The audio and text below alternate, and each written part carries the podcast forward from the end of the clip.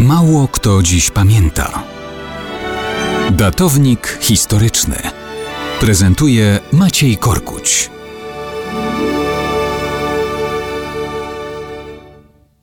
Mało kto dziś pamięta, że właśnie mija rocznica zakończenia wojny, która zadziwiła świat pod różnymi względami. Bardzo często w polskiej historii powracało pytanie: walczyć czy nie walczyć?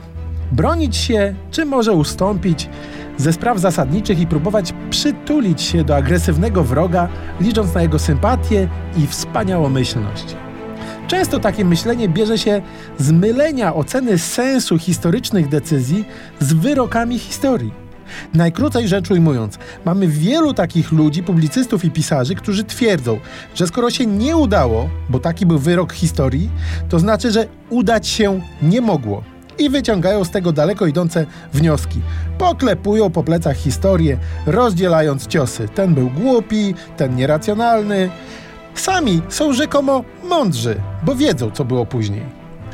Nierzadko dostaje się na takiej właśnie zasadzie Polsce i jej przywódcom państwowym za rok 1939. Zamiast dostrzec wielkość i naprawdę racjonalne przesłanki decyzji o tym, żeby stanąć w obronie granic, wolności i honoru, obdziela się ówczesne władze bzdurnymi zarzutami typu było wiadomo, że się nie uda, było oczywiste, że zostaniemy sami i tak dalej, i tak dalej. Czy rzeczywiście wszystko jest takie proste? Czy naprawdę wtedy, kiedy wróg tupnie nogą, to trzeba mu się grzecznie podporządkować? Nierzadko ci sami publicyści bynajmniej nie proponują takich rozwiązań wobec dzisiejszych pochukiwań idących ze wschodu. Ale wróćmy do roku 1939. Jest pakt Ribbentrop-Mołotow.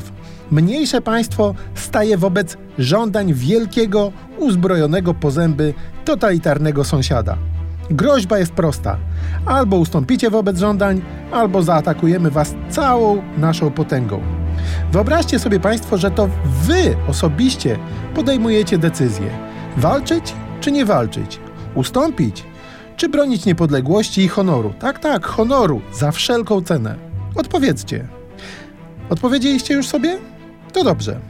Oczywiście ten kraj postawił na wojnę, rozumiejąc, że na małych żądaniach się nie kończy. Był listopad 1939 roku.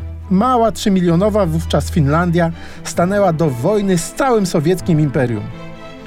Samotna wojna trwała miesiącami, nie była zwycięska, ale kosztem pewnych strat terytorialnych Finlandia bohatersko obroniła niepodległość. I warto o tym pamiętać również, kiedy myślimy o polskich decyzjach, także w rocznicę zakończenia sowiecko-fińskiej wojny zimowej.